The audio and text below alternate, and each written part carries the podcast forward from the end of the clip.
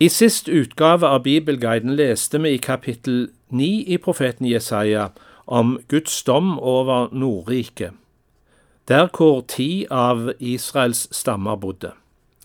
Men Sørriket og Jerusalem står òg under Guds dom, og her vil kong Sankerib av Assur bli brukt som et redskap i Guds hånd.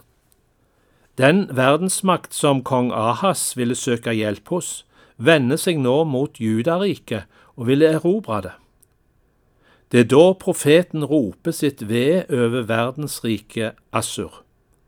Jo, de er mektige, jo, de er et redskap i Guds hånd, men det betyr ikke at òg de skal stilles til doms for sitt hovmod og sin sjøltilfredshet. Når Herren har brukt sitt ris, vil han bryte riset i stykker og kaste det fra seg. Det er kong Sankeribs situasjon. Vi starter dagens lesning fra profeten Jesaja i kapittel 10 vers 5.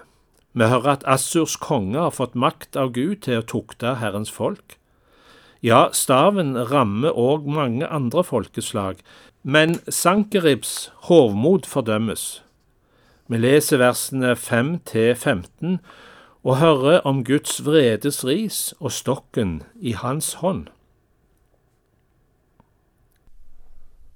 Ved Assur, min vredes ris. Stokken de har i hånden, er min harme. Jeg sender ham mot et ugudelig folk, byr ham fare mot folket jeg har harm på, for å plyndre og røve, ta bytte og rov, og tråkke det ned som avfall i gaten.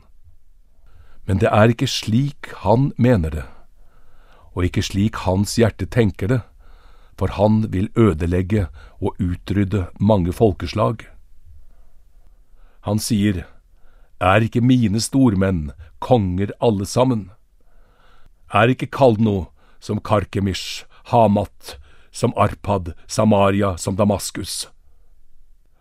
Når min hånd har nådd til avgudenes riker, hvor gudebildene overgår dem i Jerusalem og Samaria. Skulle jeg ikke da kunne gjøre det samme med Jerusalem og gudebildene hennes, som jeg gjorde med Samaria og hennes guder? Men det skal skje. Når Herren har fullført hele sitt verk på Sionfjellet og i Jerusalem, da krever jeg kongen av Asur til regnskap, for frukten av hans håndmodige hjerte, og glimtet i hans stolte øyne. For han har sagt, Dette har jeg gjort med min sterke hånd og i min visdom fordi jeg er klok. Jeg flyttet folkenes grenser og plyndret skattene deres, med makt har jeg drevet innbyggerne ut. Min hånd fant folkenes rikdom som den finner et fuglerede, og slik en samler forlatte egg har jeg samlet alle jordens riker. Det var ingen som rørte en vinge eller åpnet nebbet og pep. Kan øksen briske seg mot den som hugger? Setter sagen seg over den som sager? Som om staven skulle svinge ham som løfter den, og stokken løfte ham som ikke er av tre? I neste avsnitt, versene 16 til 19, hører vi at Assurs herlighet skal forsvinne som straff for hovmodet vi hørte beskrevet i det som vi nettopp leste. Under Sankeribs hærtog mot Jerusalem gikk denne profetien i oppfyllelse. Det brøt ut pest i hæren, og de måtte avbryte beleiringen og trekke seg tilbake. Vi leser kapittel 10, vers 16 til 19. Derfor skal Herren, hærskarenes herre, gjøre de kraftige karene hans magre.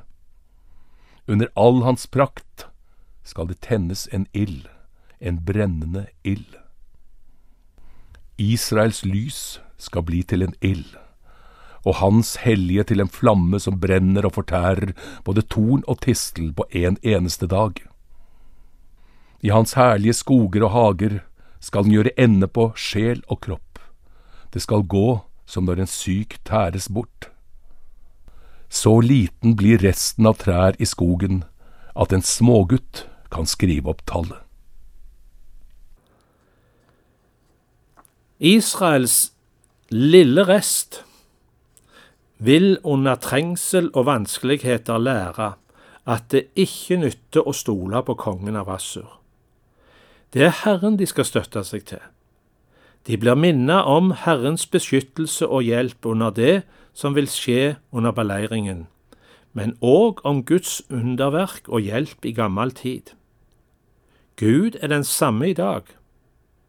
Vi leser om den lille rest som vender om, i versene 20 til 27. Den dagen skal resten av Israel og de som slapp unna i Jakobs hus, ikke lenger støtte seg til ham som slo dem, men de skal støtte seg i troskap til Herren Israels hellige. En rest skal vende om til den veldige Gud, en rest av Jakob. For selv om folket ditt Israel var som havets sand, skal bare en rest vende om. Utslettelsen er fastsatt, med rettferd strømmer den på. For Herren hærskarenes Gud fullfører utslettelsen som er fastsatt over hele jorden. Derfor, så sier Herren hærskarenes Gud, mitt folk, du som bor på Sion, vær ikke redd for Assur når han slår deg med stokken og løfter staven sin over deg, slik de gjorde i Egypt. Om bare en liten stund er det slutt på min harme, min vrede gjør ende på dem.